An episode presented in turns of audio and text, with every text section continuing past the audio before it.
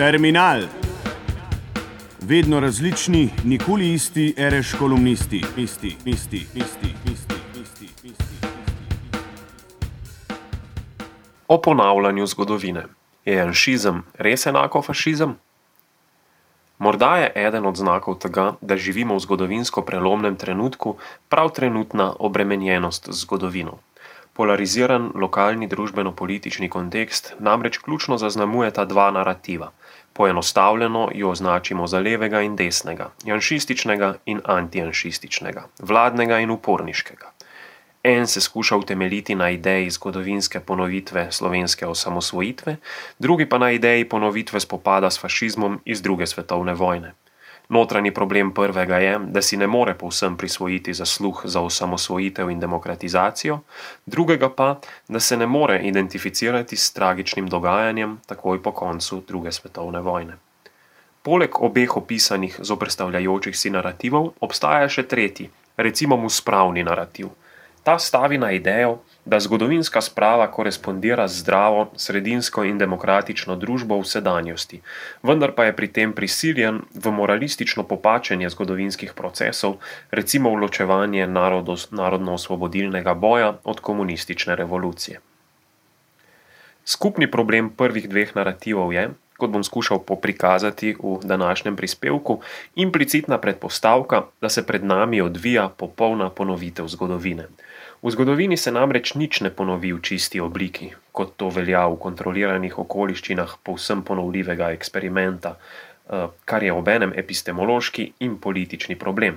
Če tudi se nekateri za namene politične mobilizacije v sedanjosti identificiramo s partizani, drugi pa z osamosvojitelji, danes ne živimo še enkrat druge svetovne vojne, niti ne osamosvojitve.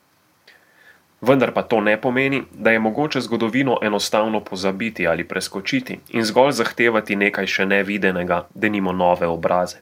Nasprotno, kaj se nam danes dogaja in kje so možne rešitve, ki jih nikakor ni potrebno vselej razumeti v formatu sredinske sprave, je mogoče razbrati tudi s kritičnim zoprestavljanjem zgodovinskih narativov, njihovih epistemoloških luken in političnih zlorab. Vzemimo kot vstopno točko za razumevanje zgodovinskega naboja, ki se nabira v trenutni politični situaciji, protestniški slogan Smrt janšizmu, svoboda narodu, ki vzpostavlja jasen enačaj med janšizmom in fašizmom, na katerem temelji tudi povezava med drugo svetovno vojno in današnjim trenutkom. Prav ta imaginarij je tisti, ki je ob letošnji 80. obletnici ustanovitve Osvobodilne fronte, ki se kot praznik zoprestavlja 30. obletnici osamosvojitve, tvoril ideološko jedro sicer heterogenega protivladnega upora, ki je na ulicah 27. aprila in pozneje 28. maja poenotil rekordno število protivladnih protestnikov. Vendar pa je po drugi strani ta identifikacija tudi tista, na katero najbolj stavijo nasprotniki protestov, ko skušajo te delegitim, delegitimirati kot odraz radikalizma, ki bi rad s svojimi današnjimi nasprotniki, torej janšisti, obračunal na tak način, kot se je obračunalo z domobranci po drugi svetovni vojni. Političnih gesel pa ne gre vrednotiti samo glede na njihov mobilizacijski moment ali odbojni učinek. Smiselno se je povsem zares vprašati, je janšizem res enak fašizmu in omenjeno vprašanje ločiti od polarizirane politične rabe tega enačaja. Kot so pokazale nekatere analize, je sicer med obema ideologijama gotovo mogoče najti številne usporednice, denimo vojno z mediji, kult vodje, paranoidno in zarotniško strukturo ter obljubo pomladi naroda. Toda vseeno ne moremo zanikati tudi v oči bijočih razlik, Najpomembnejša razlika je ta, da janšizem, za razliko od fašizma, na vkljub mnogim zlobnostim, ni izvršil še ultimativnega zlega dejanja, kot je recimo holokaust ali druga svetovna vojna. Fašizem pa označuje prav to ultimativno politično zlo, v boju proti kateremu je legitimno vzeti v roke puško in oditi v gost. V tem smislu na ravni politične prakse tudi najbolj vročekrvni antijanšistični protestniki implicitno priznavajo razliko med fašizmom in janšizmom in slednjega razumejo kot legitimnega političnega nasprotnika, s katerim se ne obračuna v vojni ali na izvensodnih pobojih, temveč na predčasnih volitvah. Vredno si je naliti čistega vina tudi glede tega, kaj se bo v najboljšem primeru zgodilo po idealnem razpletu prihodnih uh, pričakujočih se volitev. Janšizem ne bo kar izginil, tudi njegovim apologetom se, če odštejemo nujne kadrovske spremembe, ne bo zgodilo nič hujšega.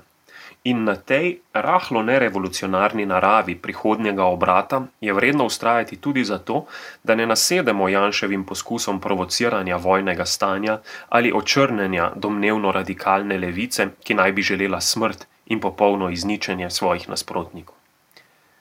Zlahka si je sicer zamišljati očitke to vrstnemu nekoliko miroljubnemu razumevanju boja z janšizmom, saj orisana pozicija spominja na pozicijo tistih, ki so 30 letih, ko fašizem še ni bil fašizem, torej ultimativno politično zlo, odgovorno za vojno in holokaust, zanikali resnost situacije in nujnost ostrega odziva. Vendar pa omenjeni primer odkrije tudi nezmožnost vnaprejšnjega obsojanja v zgodovini in nedovršen značaj zgodovinskega razvoja, ki se ne uklanja povsem statičnim definicijam političnih pojmov in enoznačnim opredelitvam. Še bolj resen pa bi bil očitek, da to vrstno razumevanje boja z janšizmom podleže klasični napaki tako imenovanega liberalnega antijanšizma, ki pristaja na parlamentarni realizem in ni zmožen revolucije, ki bi z janšizmom opravila enkrat za zmeraj. Moj odgovor na ta očitek bi bil, da velja ravno nasprotno in da je problem prav prepričanje, da je antijanšizem, sledeč analogiji z antifašizmom, imanentno revolucionarno gibanje, ki bo samo po sebi omogočilo vzpostavitev novega režima. Ravno to vrstno prepričanje je nahnjeno k temu, da danes seden obljubam novih levosredinskih obrazov, ki pod antijanšistično zastavo nadaljujejo z bolj ali manj istimi politikami kot Janša in posledično poskrbijo za večno vračanje enakega, kot se kaže v zgodovini zadnjih 15 let razvoja slovenskega parlamentarizma. Kako se torej rešiti ponavljanja, prekletstva ponavljanja zgodovine? Zdi se, da nas zgodovina uči, da so zgodovinski premiki možni in da se je pri tem vredno izogniti tako popolni pozabi zgodovine in praznemu klicanju k še nikoli videni novosti, kot tudi poskusom njene popolne ponovitve.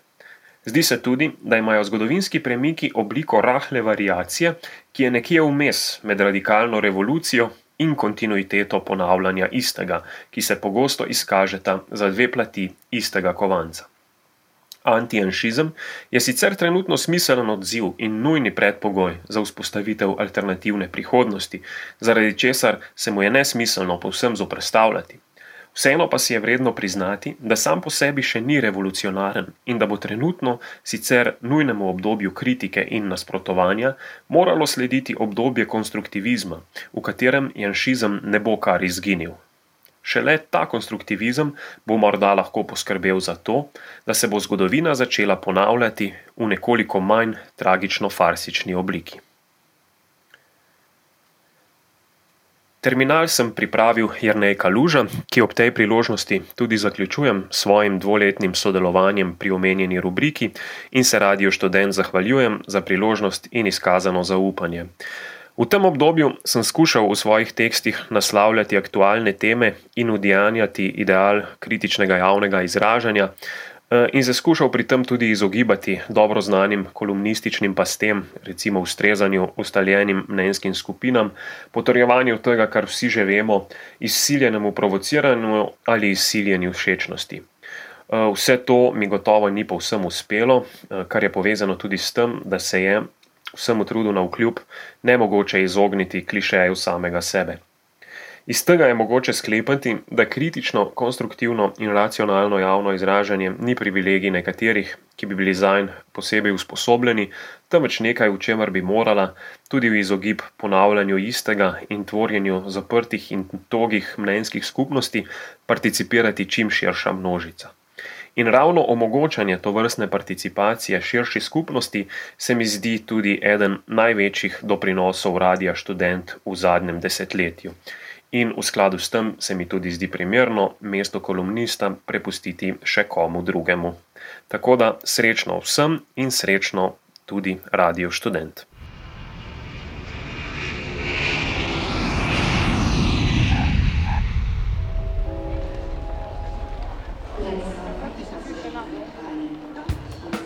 Terminal. Vedno različni, nikoli isti, reš kolumnisti, isti, isti, isti, isti.